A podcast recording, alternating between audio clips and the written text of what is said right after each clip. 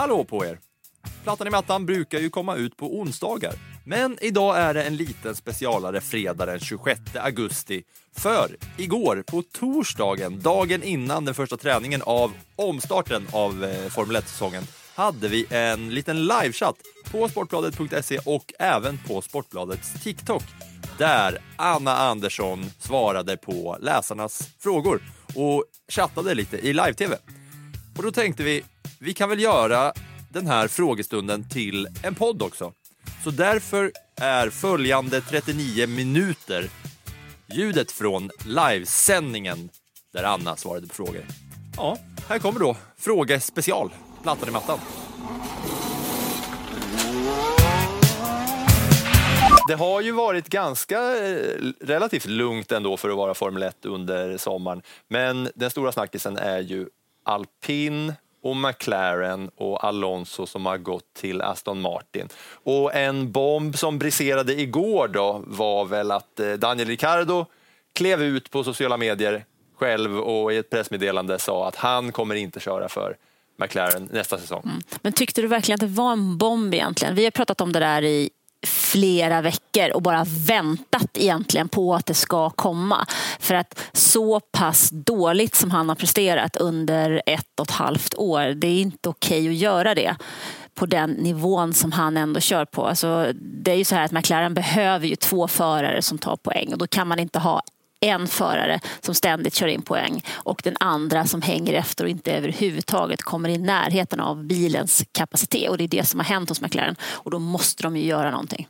Det som eh, Ricardo smällde ut på sociala medier var inte en lika välproducerad eh, litet videoklipp som Sebastian Vettel gjorde när han eh, slutade sin karriär. Nu vet vi inte riktigt vad som ska hända med Ricciardo, men vi har, en, vi har videon på Ricciardo och ska se om vi skulle kunna kika på den här bakom där Ricardo själv går ut alltså och berättar om sitt beslut att lämna eh, McLaren. Och det snackas ju om att eh, McLaren köper ut honom, att de betalar hans det betalar hans eh, sista år. Men vad ska de göra?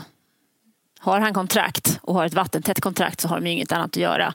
Det är ju som om vilken fotbollstränare eller, eller hockeyspelare eller vad som som får sparken som har hållit sig till sin del av kontraktet. Då måste de ju helt enkelt köpa ut honom. Så länge Daniel Ricciardo har hållit sig till sin del av kontraktet så har de inget alternativ. Om de nu anser att det är viktigare att bli av med honom än att köra med honom ett år till, som man nu tydligen gör. Mm. Eh, vi ska se om den där videon dyker upp, men ja, här har vi den. Daniel Ricciardo. Hey everyone, uh, wanted to share some news. Uh, it's not great. Uh, it's bittersweet for sure, but uh, I think it's best you hear it from me. Uh, 2022 will be my last year with McLaren. Um, yeah, just obviously we put in a lot of effort on both sides, but just hasn't worked the way we wanted. Uh, so the team's decided to make a change for next year. And so we had a lot of discussions, but uh, in the end, we mutually agreed that it was the right thing for both of us. Um, I will continue to do the rest of this year, absolutely, um, and I'll continue to give it my all.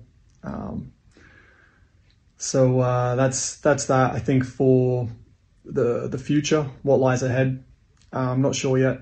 Um, not sure yet, but uh, but we'll see. You know, I, I look back on this time with McLaren. I look back with a smile. I learned a lot about myself. I think things that will help me for the next step in my career, but I think just in general in, in life. Uh, you know, I think to, you know, from a results point of view, for sure, like to consistently get the, the results in that form that I was after, you know, wasn't wasn't always there, and you know, made some weekends tough. Um, you know, I felt those absolutely, um, but I also, you know, have many happy memories of my time at the team. And I think about Monza, you know, I think about standing on the top step. I think about, you know, bringing the, the team their first win since 2012, you know, like that, that sort of stuff was, was awesome. And to see the smile on everyone's faces, to just be in that moment, you know, that's something I'll never forget. So yeah, there's, um, there's a lot of good stuff to take from this as well. The sport, you know, I still love it. I still love it. You know, this this hasn't affected any of that. Um, I still have that that fire in me, that that belief in in my belly that I can do this at the highest level. Um, so yeah, all that stuff's still there. Um, but yeah, just wanted to say appreciate everyone's support through the highs, lows, everything in between. Um, this isn't it for me, um, but yeah, we'll see. We'll see what lies ahead. Um, but just want to say appreciate you. Um, Ja, Daniel Ricciardo alltså berättar att han inte ska köra för McLaren. Då, då kanske vi ska börja med en eh, fråga som rör det där lite, om vi ska röra oss in på eh, våra läsares frågor här på den lilla chatten. Och då har vi en fråga. Är du redo för det första? För eh, att ta... Har jag något alternativ? Nej, det har du väl inte. hade du sagt nej så hade du skeppat över frågorna ändå. Men eh, vad fasen, vi, eh, vi sladdar iväg då och ser vart vi hamnar. Precis. Eh, så här skriver Mattias. Visserligen inte F1, men ändå relaterat. Var tror ni Felix R, Felix Rosenqvist, hamnar nästa säsong? Det vore ju riktigt tråkigt om han inte blir klar, kvar i Indycar. Flera andra förare har ju uttalat sig om att Felix hör hemma där. Och då vet du ju att jag blickar ju gärna ut mot lite drömska världar här att ja, nu är McLaren, han kör för McLaren i Indycar och nu finns det en eh, plats och så vidare. Ja, men det ska vi kika på här. Det som är viktigt att veta det är ju att McLaren har ju, är ju egentligen det enda teamet som har ett team i Formel 1 och ett team i Indycar. Sen har de dessutom ett team i det som heter Formel E, alltså elbilsmästerskapet. Och de har ju gjort någon slags deal, i alla fall mellan Indycar och eh, Formel E, att man är förare hos McLaren och så kan man hamna lite där det passar. Ehm, och Felix Rosenqvist har ju gjort mycket bra resultat i Formel E tidigare. Han har gjort bra resultat i Indycar också, men han har sedan han kom till McLaren haft lite större problem. Och det som Problematiken där är ju att McLaren faktiskt har gjort en liknande kontraktssituation som man sitter med i Formel 1, där det då handlar om Oscar Piastri som vi säkerligen kommer in på, har man ju också gjort i Indycar där man har skrivit kontrakt med Alex Palou som vann mästerskapet förra året men kör för Chip Ganassi Racing. Och där hävdar ju Chip Ganassi Racing att de också har kontrakt med denne Palou. Så McLaren är inblandad i två sådana här kontraktstvister. Och för Felix del så är problematiken då att eh, McLaren har kontrakt med Pat Award. Man har skrivit kontrakt med amerikanen Alexander Rossi och då har man redan två bilar. I Indycar kan du köra flera bilar. Men kommer då eh, vår vän Palou också, så har de tre bilar med tre riktigt bra förare, ja, då finns det ju kanske ingen plats för Felix. Då får ju han hitta något annat alternativ. Och ni som lyssnade på podden med Stefan Lillövers Johansson, ja, vad sa han där? Ja, han sa det ena och det andra. Ja, fast han sa också ganska tydligt att det, klart det, att, Felix, att det, någon, det ser väldigt bra ut för Indycar. Så då har de säkert någon annan lösning för Indycar på, på gång. Han har väl någon form av eh, klausul hit och dit. Eh, men när det gäller Formel 1 så tror jag inte att någon ska, överhuvudtaget ska ha typ en halv procents förhoppning om att vi får se Felix där, för han är för gammal. Hans tid är förbi. Stefan Lill-Avis Johansson eh, nämner du, som var gäst i, inte det senaste avsnittet, men förra veckans mm. avsnitt av eh, F1-podden som vi har här på Sportbladet, Anna och jag. Och han är ju agent då för Felix Rosenqvist, ska sägas. Så han har väl rätt bra insyn. Mm. Sen är alltid frågan om hur ärlig han var, men det tror jag han var. Ja. Vi tar en eh, fråga till då som är ställd från Per. Den är väldigt tydlig. Vem tar hem hela skiten? Ja, då undrar jag ju vilken skit då. Menar han förarmästerskapet eller menar han konstruktörsmästerskapet? Men jag tror att Max Verstappen ligger väldigt bra till på båda. Jag tror att han har ett eh, försprång på 80 poäng i förarmästerskapet som vi kanske bryr oss lite mer om. Även om teamen tycker att det där konstruktörsmästerskapet är väldigt viktigt eftersom det är där de får sina pengar. Mm. Men eh, jag tror på Verstappen och Red Bull. 80 poäng, det är ju så att han kan nästan sitta och sola tre race och inte ens ställa upp och ändå ha en ledning. Och hur går det för Perez då? Han är väl en del av det här att ta hem hela skiten då i så fall ifall det är konstruktörsmästerskapet som räknas? Ja, men å andra sidan så har ju Verstappen dragit in dem där. Han har ju gjort det som, som Lennon Norris inte har klarat för McLaren. Han har dragit in de extra poängen också. Så Perez han smyger väl med, men jag tror inte att vi har honom allt för högt upp i allt för många lopp. Eh, vi tar en fråga som är från Benke här. Den är ställd så här. Hej Anna! Hej! Hej Benke! Vilken är din personliga favoritförare i Formel 1-världen genom alla tider? Niki Lauda. Aha få höra mer? Ja, men jag gillar hans eh, attityd till racingen, hans sätt att köra. Förutom att 70-talet var ju ganska härligt årtionde just när det gäller Formel 1. Plus det är förmån att träffa honom vid ett par tillfällen och eh, det är ju få som är så eh, både ironiska och svåråtkomliga som Niki Lauda. Så han hade någonting som eh, jag tyckte var otroligt härligt personligt. Tillika en superlegend också. Ja. En av de, ja vad ska man säga, topp sju största F1-förarna genom tiderna. Ja, lätt. Ännu högre kanske?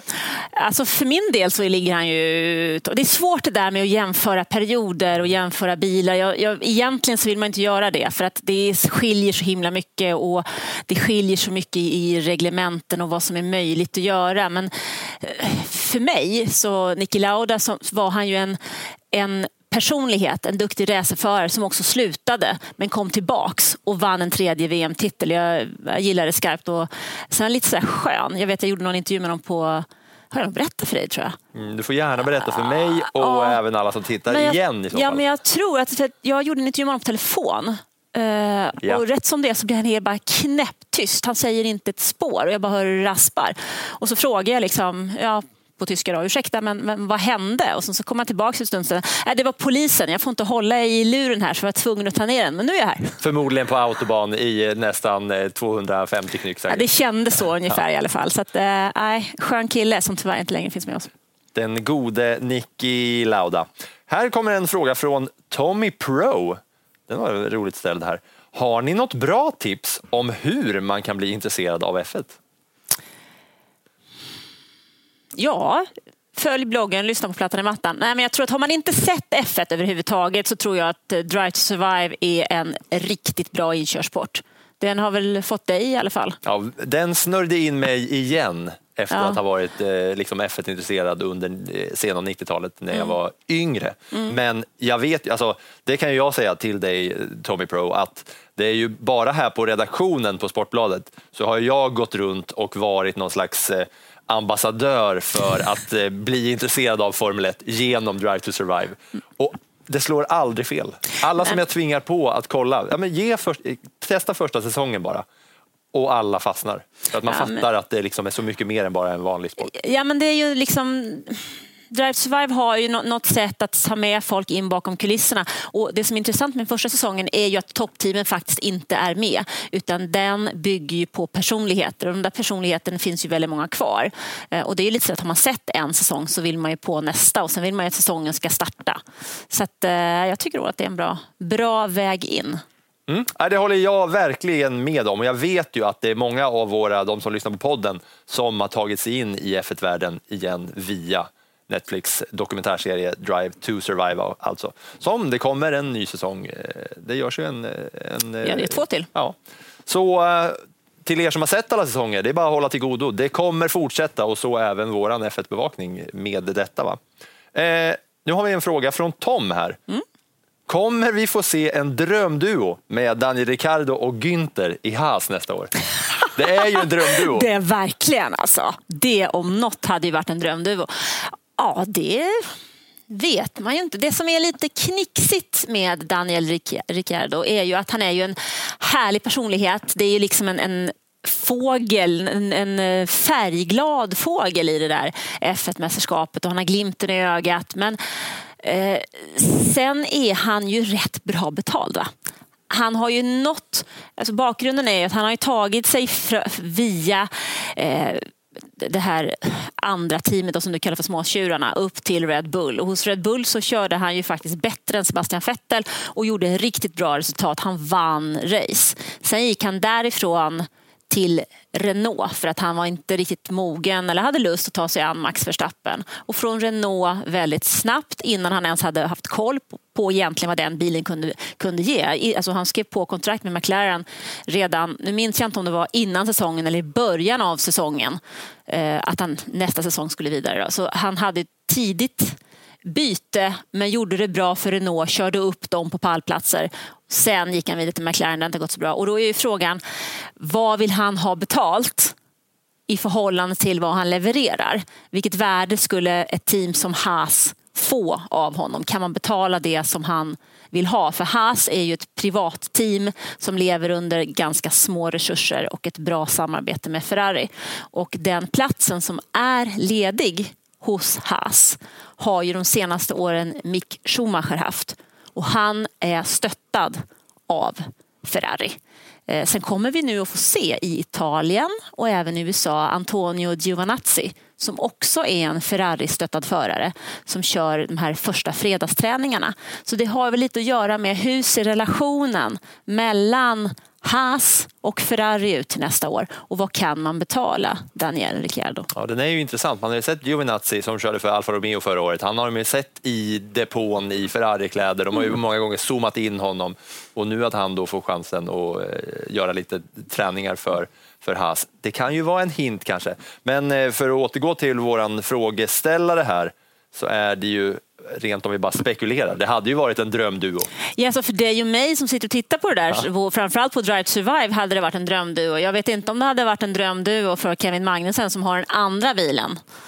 Nej, men presskonferenserna hade blivit livade i alla fall om eh, Günther och Ricardo hade suttit bredvid varandra på podien. Eh, ja, men nu är det inte ofta de sitter eftersom teamcheferna har sin presskonferens och de andra sin egen. Så att eh, Günther är väl fortsatt rå och så får vi se vart Ricardo tar vägen. Ja.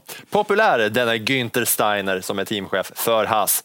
Eh, en fråga från Marcus här. Mm. Vem av förarna i F2 anser ni ligger bäst till att kunna komma till F1 nästa säsong om man bortser från vilka de är sponsrade av. Så med andra ord, vem är den största talangen?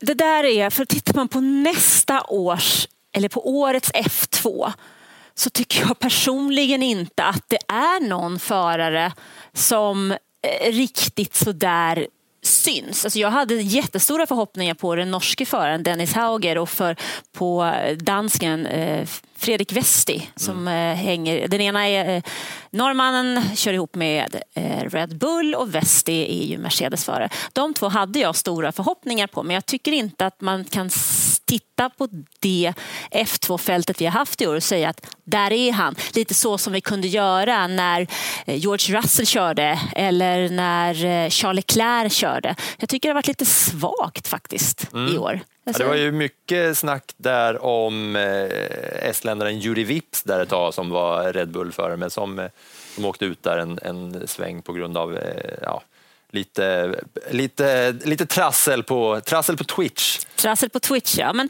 man kan ju, när man är intresserad av Formel 2 också och ser lite framtidsförare så kan man faktiskt ha ett extra öga på första träningen den här veckan eh, när det gäller Alfa Tauri. För där ska Lian Lawson, som är också Red Bull-förare Red Bull-förare och F2-förare köra för Alfa Tauri. Annars så leder Drugovic, ett riktigt bra racingnamn. Drugovic leder mästerskapet tror jag. Mm, jo, men jag tror inte vi ska titta på namn och talang. Va? Då hade vi sagt Dino Beganovic direkt. Ja, Ja, där har vi ju svaret om eh, inom fem år som Dino Boganovic. Ett annat gästavsnitt som vi hade nu i somras eh, i podden Plattan i mattan när framtiden då för svensk racing, Dino Boganovic som är Ferrari-talangförare var med och gästade oss. Han berättade om sin femårsplan för att ta sig till Formel 1. Um, Ja, men vi släpper F2 där då. Då ska vi se. Eller ja, det var en till fråga om just F2. Det kan ju du kanske eh, förklara då. För eh, riktigt bra. En fråga som är ställd från TikTok. Det ska vi säga. Vi, det här går även ut eh, live på TikTok så är ni liksom flitiga användare av den appen så är det bara knalla in där och så kan ni ställa era frågor även på TikTok men också här på Sportbladet. Tittar ni på liksom landningssidan på Sportbladet om man bara går in på sportbladet.se då kan ni liksom klicka på texten där så kommer ni in till en till liten ruta och där kan ni skriva er fråga. Eller om ni använder TikTok. Men den här frågan är ställd från Pescatore 1337 från TikTok. Vad är skillnaden egentligen på Formel 1 och Formel 2? Ja, alltså Formel 2 är ju en supportserie på väg upp till Formel 1. Det finns ytterligare supportserier. Det finns ju de som man egentligen kallar för riktigt så FIA supportserier på väg upp. Det är Formel 3 och sen kommer Formel 2 och sen kommer Formel 1. Men de här, och de här bilarna är ju betydligt mindre än Formel 1-bilar. Man kan ju inte eh, jämföra varken hastighet eller tyngd eller någonting annat. Eh, det är alltså ungdomsserier för att få upp för, nu ska jag göra det här lite enkelt för att alla ska förstå. Eh, och det finns ingen garanti för en förare som kör Formel 3 att ta sig till Formel 2. Eh, det finns heller ingen garanti för en förare som, tar, som kör Formel 2 att någon gång ta sig till Formel 1. Det enda som är garanterat det är att den förare som vinner Formel 3 respektive Formel 2 inte får köra i de mästerskapen mer framöver. Och tittar vi på alltså motorsport och formelbilsport i förhållande till exempelvis fotboll eller hockey. Så här kostar det ju fruktansvärda pengar. Alltså bara en säsong i de här undre serierna kan ju gå på fem miljoner och uppåt, vilket gör att du måste ha ett rätt starkt ekonomiskt stöd. Du kan ju köpa dig en plats i ett av de här teamen, men antingen har du varit duktig och presterat ett bra resultat tidigare, blivit upplockad som Dino Beganovic in i Ferraris satsning, in i Red Bulls satsning eller in i Mercedes satsning. Då har du dem i ryggen så de hjälper dig hela vägen upp. Ett exempel där är ju Charles Leclerc som idag kör för eh, Ferrari. Han har gått hela den vägen tillsammans med Ferrari. George Russell Russell som kör för Mercedes är ett annat exempel på förare som har gått de där trapporna upp. Och Men, Schumacher har också vunnit eh, Mick Schumacher är också en sån som har gått från Ferrari. Han har vunnit och gått upp. Eh, Max Verstappen har däremot inte gjort det. Utan han blev upplockad av Red Bull. De skrev väl kontrakt, alltså han var nog 16 eller någonting när de skrev kontrakt med honom. Han hade alltså inte riktigt körkort när han debuterade i F1 och de reglerna har man gjort om efter det. Så det är lätt att tro liksom att ja, men kör man Formel 3, sen går man till Formel 2 och sen går man till elitserien, det vill säga Formel 1. Men det ser inte alls ut så i motorsporten utan det finns verkligen 20 platser i Formel 1 och det finns noll garantier att ens en förare från F2 lyfts upp. Ja, för att rätt vad det är så kommer en Nikita Mazepin eller en eh, Lance Stroll eller en Nicolas Latifi med pappas pengar och då spelar det ingen roll hur dålig du än är på att köra Formel 1-bil, då får du en plats så kanske vi inte riktigt ska säga. Nu är du... Så är det ofta. Eh, för ni som lyssnar på podden vet att jag är lite mer drastisk och Anna är lite mer faktaenlig och har koll på grejerna medan jag gärna eh, späder på och gör lite rubriker. Ja, nej, men det finns ju, det är klart att det finns förare, för eftersom det kostar så himla mycket pengar så behöver du ha en stark ekonomisk stöttning. Antingen så är det ett företag eller så är det en rik pappa eller så är det någonting annat. Alltså, vi har ju haft en, en efterförare i många år som faktiskt är släkt till Österrikes sista kejsare bara en sån sak. Oj! Oj. Det visste jag inte. Nej, Österrikes alltså. sista kejsare. Mm. Det är en eh, tongue twister som man kan eh, öva på. om man... Ferdinand Habsburg. Oj då. Mm. Eh, du, vi har fått fler frågor från TikTok. Vad kul! Det är jätteroligt. Eh, TikTok är ju någonting intressant i de här sammanhangen. ska se, vilken förare gillar ni mest? Från helsingborg.edits har en fråga kommit här jag gillar mest? Mm. Du har lite svårt att ta ställning och, och vara partisk här. Jag kan säga att jag har ju fram tills eh, väldigt nyligen varit väldigt svag för Fernando Alonso på grund av att han är lite annorlunda mot alla andra. Och så har jag gillat Sebastian Vettel också som står upp för lite saker. Jag kan gilla olika förare för olika saker kan jag nog ändå känna. Jag kan gilla eh, Fernando Alonso för det sätt som han har varit en del av Formel 1 i typ 20 år. Eh, och han har varit borta därifrån han kommer tillbaka. Sen gillar jag ju inte hans sätt att vara som en gnällig treåring. Eh, jag kan också gilla eh, en förare som Max Verstappen på ett visst sätt, för det, hur han verkligen dedikerar sig i sin ungdom till någonting och gör det som alla förväntar sig av honom till någonting bra och utvecklas. Jag kan också gilla en förare som Lewis Hamilton som har gått från att vara liksom en, en pojke när han kom till F1 till att idag vara en man som tar ställning i olika frågor. Och samma sak gäller Sebastian Vettel. Så jag tycker nog eh, väldigt bra om väldigt många. Sen finns det några som man kanske inte fastnar lika mycket för. Vilka? Som du inte fastnar för? Vilka är du inte fastnar för? Det vill de veta. Ja, det tror jag. Det vill de säkert veta. Jag har ju lite svårt för Nicolas Latifi. Jag ja. också. Yes. Det är bra. Det är ju, det är min, eh, vad ska man säga, vad, vad heter det när det är något sånt som man inte gillar? Svarta får. Ja, det är ju, det är ju min icke-käpphäst. jobbar jag för att hitta orden här. Men ja, de som är minst älskvärda är ju i mina ögon i alla fall eh, Latifi. De, ja, de som pappa betalt för. Och Stroll. Mm. Och förra säsongen var det ju ingen snack om saken, eh, Mazepin. Men och då jag skulle vilja säga att eh, Ja. Det hänger ihop. Alla de Ja. som du inte tycker om, det är de som pappa har betalt för. Ja. Du gillar inte när pappa betalar. Ja, jag tycker inte Max Verstappen är så jävla älskvärd heller. Ja, eh, sen att han kör överlägset bäst av alla, men- särskilt den här säsongen, det är ju en annan sak. Det var en annan fråga, Ja. om han är älskvärd eller inte. Ja, ja, gillar ni mest var Ja, gillar- Helsingborg.edits då fråga här kan jag tycka att man, gillar, man kan ju gilla folk för olika saker. Ja. Man skulle kunna plocka liksom delar från olika förare. Och sen är det också så att de är så otroligt olika generationer, alla de här förarna som kör idag. Vi har ju de som Alonso som är plus 40. Så han skulle kunna vara farsa åt vissa av de yngre. Mm. En annan förare som eh, kliver in i F1-cirkusen halvt avskyvärd, det är ju Oscar Piastri som eh, sätter sig på tvären innan han ens fått en, eh, en stol i något team efter det stora kontraktskaoset i alpin. Ja, det där kommer att bli jobbigt alltså. alltså problematiken, är, eh, vi kan väl dra den lite snabbt. Det är så att Oscar Piastri har kört Formel 3 och han har kört Formel 2 och han har varit förare hos Renault. Renault bytte namn och gick in till alpin. Så de har alltså lagt en massa pengar på den killen för att han ska bli en duglig F1-förare.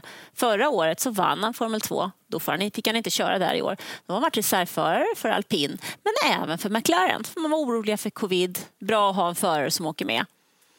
Och sen är det ju då så att Sebastian Vettel på är det onsdagskvällen innan Ungerns GP bestämmer sig för att lägga av meddelar sitt team Aston Martin som dagen efter tjopp går ut, allt färdigt. Då sitter Fernando Alonso på presskonferens och säger nej, jag pratar med alpin, det här blir väl jättebra. Måndagen går han ut och har skrivit på för Aston Martin. Han har fått någon riktigt bra deal där. Det här rör sig kring 31 juli. 31 juli är ett datum som ofta brukar stå med olika typer av klausuler. Vad gäller och vad gäller inte? Så ett par timmar efter att Alonso presenterat för Aston Martin säger alpin, japp, Oscar Piastri kör för oss nästa år. Det var bara det att Piastri hade inte sagt någonting i pressmeddelandet och går själv ut på Twitter och säger nej, vadå? Det där stämmer inte. Han har säkerligen varit lite orolig för den här platsen så han och hans manager Mark Webber som tidigare körde för Red Bull har väl försökt att hitta en lösning då med McLaren eller Williams för de trodde att Alonso satt säkert hos alpin. Så nu handlar det då om vad står det i kontrakten och vem gjorde vad innan vilket klockslag den 31 juli. Som svar på frågan vilken F1-förare gillar ni mest får ni svaret vilken ni förmodligen kommer gilla minst nästa år. Oscar Piastri alltså. Ja, Kanske. kanske. Här är en eh, fråga från Son of Abraham, son punkt av punkt Abraham. Mhm. Är Toto Wolf kungen över F1? Nej, men han tror nog att han själv är kungen av depån. Ja. Men eh, mer då? Alltså, eh, har han större inflytande på något sätt som den här frågeställaren då, son av Abraham? Alltså vet, Toto Wolf är ju numera teamchef och delägare hos Mercedes. Han har själv en gång i tiden varit eh, racerförare. Han har också varit någon form av ekonomisk investor och investerat pengar och lite så här eh, agent. Han var eh, halvagent till Valtteri Bottas och hjälpte in honom till Williams där han också hade ekonomiska intressen. Efter den tiden gick Toto Wolf vidare till Mercedes där han också köpte in sig i teamet. Och no, Valtteri Bottas, alltså. vad tog han vägen? Jo, han hamnade hos eh, Mercedes så småningom. Så att Toto Wolf är ju en människa som har många fingrar i väldigt många syltburkar. Ibland har jag funderat hur många fingrar han har. 20, 35? Mm. Svaret på frågan där. Eh, från Joakim Lundgren. Den här är lite spännande. Det är väl bara rykten om LH44 till Red Bull. Lewis Hamilton med nummer 44. Alltså, de har ju förhandlat. Men det var ju ett tag sedan. Nu sitter ju faktiskt eh, Red Bull på två långa kontrakt. Sergio Perez 2024, Max Verstappen 2028. Så nu är det helt inaktuellt. Så svaret på frågan är ja, det är bara rykten. Ja, det är bara rykten. Nej, det blir ingenting av det. Det hade varit en otrolig twist om Du, det, då om det hade blev vi så. haft något att snacka om. Ja. Det hade blivit extra avsnitt av podden och tv-sändningar och hela faderullan. Från Jan kommer här. Kan Ferrari i härlighetens namn, undrar om man ville skriva ärlighetens namn, fast härlighetens namn är ju låter ju nästan bättre. Ja, det låter jättefint. Kan Ferrari i härlighetens namn komma tillbaks i båda mästerskapen? I år?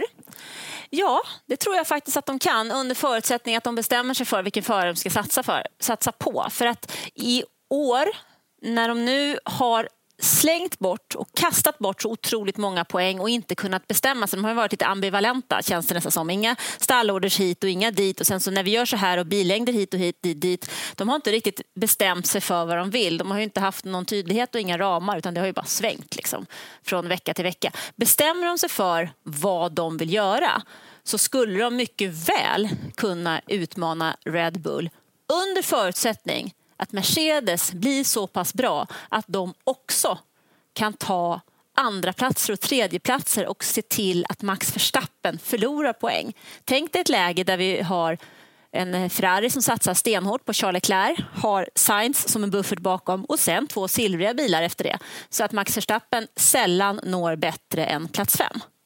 Ja, då, Då kan vi ju, börja snacka. Då snackar vi racing. Då snackar vi racing. Och det är också lite där vi hoppas på då, utan att ta ställning på något sätt för att just få eh, ett, eh, ett mästerskap som, som det svänger om. Ja, alltså jag struntar ju egentligen i vilken, vilken förare som vinner. Jag vill ju bara att det ska bli spännande och de ska sno poäng av varandra så att vi får en sån här färgsprakande avslutning. Det är då det är roligt. Och lite Mercedes är på gång. Jag har sagt det varje vecka i, i podden, men, Men, de, ju de mer du gång. säger det så någon gång kommer det Ja, stämma, men eller det hur? känns ju så. Mercedes är på gång. Det är, så I härlighetens namn så kan eh, Ferrari komma tillbaka i båda mästerskapen. Men i ärlighetens namn kanske inte. Ja, det tror, jag tror väldigt mycket att det beror på om de har lyckats lösa sina interna eh, angelägenheter. Från Ian Trin 8. Ian Trin 8. Det är Från, mycket TikTok nu va? Ja, från TikTok. Det är kanonkul. Fortsätt eh, kötta iväg frågor på TikTok. Nu ser jag dock att vi har hållit på en liten stund här. Men vi tar några frågor till i och med att det finns eh, frågor att besvara.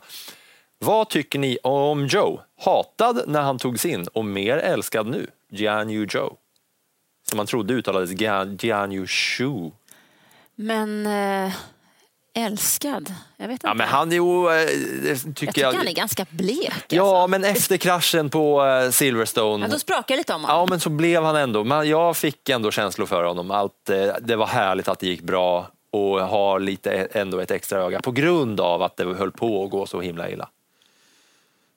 Ja. Du känner ingenting så eller, efter det Jag där? tycker att det är jätteroligt att han eh, har synts. Jag tycker att det är fantastiskt skönt att han klarade sig så bra efter den där kraschen. Men jag känner inte att jag... Liksom, jag tycker ändå att det är Bottas som styr det där teamet. Och Mm. Ja, gör det ett riktigt bra, riktigt bra jobb. Så jag tycker han är lite så här periferinisse. Men för att svara lite mer på Ian Trin 8 fråga här på TikTok så Eh, det är ju också, man får ju lite sympatipoäng för att det har varit så mycket eh, problem med motorn för honom, med hans Ferrari-motor, att han har ju fått bryta sex lopp, Jenny Joe. Bottas har fått bryta en hel del med motorproblem, men just att det har drabbat kinesen lite extra. Ja, men du kan ju inte gå sympati för alla förare som det händer knasiga grejer med. Nej, inte alla, men vissa av dem kanske. Men alla utom eh, Stroll och Latifi, eller? Ja, exakt. Där, där, får, 18 man. det, där får det gärna vara motorhaveris i, i, eh, i, i mängder. Supermax undrar, kommer Ferrari att förlänga med Leclerc innan 2023? Jag har alltid trott, eh, sen jag hörde talas om Charles Leclerc, att han är en framtida storförare hos Ferrari. De har gjort en jättesatsning på honom och jag kan inte tänka mig någonting. Så länge han levererar och så tror jag att Ferrari kommer att sitta tight på honom. Det är en otroligt trevlig kille. Han kommer från Monaco strax in till Italien. Han pratar italienska. Han har en stark trygghet där. Han har faktiskt en lillebrorsa som också är med i Ferraris program. Så att, eh, God vän med vår, vår vän Dino Beganovic precis. Så att jag tror att eh, Ferrari kommer att hålla hårt i Charles Leclerc. Men vi kommer inte få se någon sån eh, contract eh, for life som eh, Red Bull har gjort med Verstappen.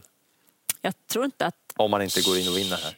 Ja, jag tror faktiskt inte att Charles Leclerc själv heller vill sätta sig i din, den situationen. Tittar man tillbaka på Ferrari så har ju de faktiskt inte vunnit något förar-VM sedan 2007 när Kimi Räikkönen vann. Och då vann han ju på att McLaren Eh, som då hade förarna Fernando Alonso och Lewis Hamilton inte klarade av att hålla en solklar ledning utan att de två började bråka.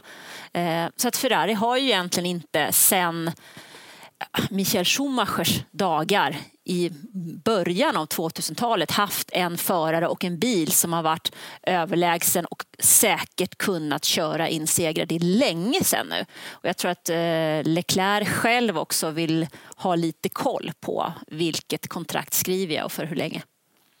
Från signaturen F1.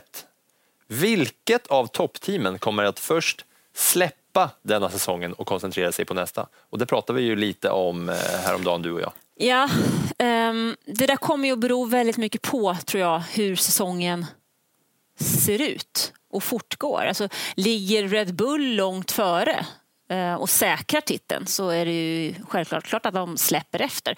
Eh, annars är det ju så att varje placering i konstruktörsmästerskapet betyder så oerhört mycket pengar. Det är en enorm del av teamens budgetar som kan som är skillnaden i plats tre eller plats fyra eller plats fyra eller plats fem. Så det kommer bero väldigt mycket på hur ligger man och vi har ju framförallt mellan, tittar man på typ McLaren och, och alpin, en jättefight där och det är samma sak är ju mellan Ferrari och Mercedes om plats två och tre. Så det beror nog lite på, seglar Red Bull iväg så tror jag att det är dem. Och sen kan vi ju säga att eh, Aston Martin med vår eh, vän Micke Krack har gått ut och sagt att de bara har ett litet team som fortfarande jobbar på, på sin bil i år. Men de kan ju inte med bästa vilja kalla för toppteam. Nej, verkligen inte. Det har de ju inte i närheten av. Men, Nej, men det är eh, med sköldpaddan. Rimligare med Red Bull där. Eh, ska vi ta en fråga till här, Montro? Vi tar den från Odd Olsson. Han undrar så här, eller hon eller hen, vi får se. Odd Olsson. Bra namn. Är inte nya reglementet överskattat? Visst, det är tajtare racing, men men. Tittarna, tittar man på Indycar så är det mycket mer racing enligt mig, tror jag frågan är ställd. Ja, men då var det någon fråga där. Nej, men det var alltså- nog mer ett men- påstående om att det, Indycar är inte så dumt heller, tror jag Odd Olsson säger här. Nej, men Indycar är inte så dumt, men då måste man ju tänka på att Indycar är ett enhetsmästerskap. Det är enhetsbilar. Eh, Formel 1 är ju faktiskt ett konstruktörsmästerskap. Du måste konstruera din bil för att få lov att vara med i Formel 1. Så det är en stor skillnad där. Eh, jag tycker personligen att det nya reglementet har eh, lyft sporten för att vi har mycket bättre fight på banan. Det är jobbigt nu med att live-rapportera. Det får, du får eh, knattra på med så fingrarna glöder och Ja, tangentbordet precis. glöder. Och de här stackars redaktörerna som sitter och ska rubba om, de har ju jätteproblem. De tycker numera att det är jobbigare att lägga puffar på F1 än på handboll, för det händer någonting hela tiden. Det Anna pratar om nu här är att när det är racehelg och du kör kvalen också va? Mm. Kval och race så kan man alltid gå in på sportbladet.se så kan man då klicka in så kan man se då banan, hur bilarna eh, rör sig och åker. Man kan jämföra head to head, förare mot förare, se alla varvtider, ha koll på vilka som har gjort sina depåstopp och så vidare. Och så sitter Anna och eh, rafsar ner vad som händer i loppet Rafsa ner. Sekund för sekund. väl, väl överlagt och välformulerat. Ja, ja. Sekund för sekund. Ja, sekund Nej, för det är nog mer rafsa ner ibland, tyvärr. Eh, och den är ju ganska populär den här live-rapporteringen så vi tipsar ju om att nu i helgen när det är omstart av Formel 1-säsongen så ska ni ju gå in då på eh, sportbladet.se. Även om ni sitter och kollar på Viaplay-sändningen med Janne Blomqvist och gänget så är det kul att ha en liten kompanjon där i form av Anna Andersson som, som eh, sitter och berättar lite mer bakom vad som händer och sådär. Blir lite extra kompis liksom. En sista fråga kommer från Patrik. Och den här har vi varit inne på några gånger i podden också, men det är ju en, eh, ett stort ämne här. Hur är läget och snacket kring Monaco? Vill man ha mer betalt av Monaco eller går bilarna för fort för att man ska kunna köra säkert? Monaco har väl levt på ett riktigt gammalt avtal. Där har du Ja. något att bita i. Det har jag någonting att bita i. Ja, ehm, det är så att alla banor som är med i Formel 1 har ju skrivit avtal med Formel 1, de som äger rättigheterna. Och Monaco har skrev ett avtal med de, den tidigare rättighetsägaren Bernie Ecclestone. Och de behövde liksom, de hade lite fria vägar in där. Inte betala, för normalt sett så betalar du för att få lov att arrangera F1. Och de här nya banorna, typ eh, ja, Jeddah i Saudiarabien och så, de betalar ju mängder med pengar för att F1 ska komma dit. Men Monaco har ju varit ett, ett av de här få eh, loppen som har varit med sedan 1950 så de har ju haft lite fri bana där. Plus att de har haft möjligheten att ha en egen tv-produktion så när vi sitter och svär här över att vi inte får se allting så är det ju för att det inte är den vanliga F1 som producerar. Plus att de har haft möjligheter att dra in pengar via olika reklamavtal. Och då var det ju så illa i år att Monaco hade, hade sålt den största reklamplatsen till Tag Heuer, klocktillverkare från Schweiz. Det är bara det att F1 har ju sålt reklamen till huvudsponsorn Rolex. Så det där krockar ju som sjutton. Så när det gäller Monaco så är det väl egentligen så att man vill ha kvar Monaco för att det ger en stjärnglans, det ger någonting extra. Men man måste lösa de här knutarna. Det kan inte vara så att de två stora sponsorerna krockar exempelvis. Och med det sagt så kanske vi ska eh, knyta ihop säcken för den här eh, livesändningen. Vi eh, vill tacka er som har tittat och hinta väl om att det kanske kan bli en liten eh, extra podd av ljudet som vi har eh, tagit upp här och att, de här, eh, att det kan bli som en frågepodd.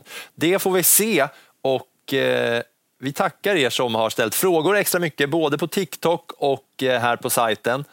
I helgen är det race igen i Belgien, en väldigt kuperad bana. Säger man kuperad bana? Det går väldigt mycket upp och ner i Belgien på spa. Ja, berg och dalbana kan ja, man säga. Berg och dalbana i Belgien. Ni hänger med på Sportbladet.se i Annas live-rapportering och såklart så läser ni ju det mesta om F1 på Annas motorblogg som har hållit på en herrans massa år. Va? Du, eh, jag kan säga att när jag började med den så var jag gravid. Ehm, min dotter går i sjuan. Och vi var långt ifrån den här fina tv-studion som vi sitter i Väldigt nu långt. i eh, teknikens värld. Tack för att ni har tittat och ställt frågor. Vi hörs och ses. Tack.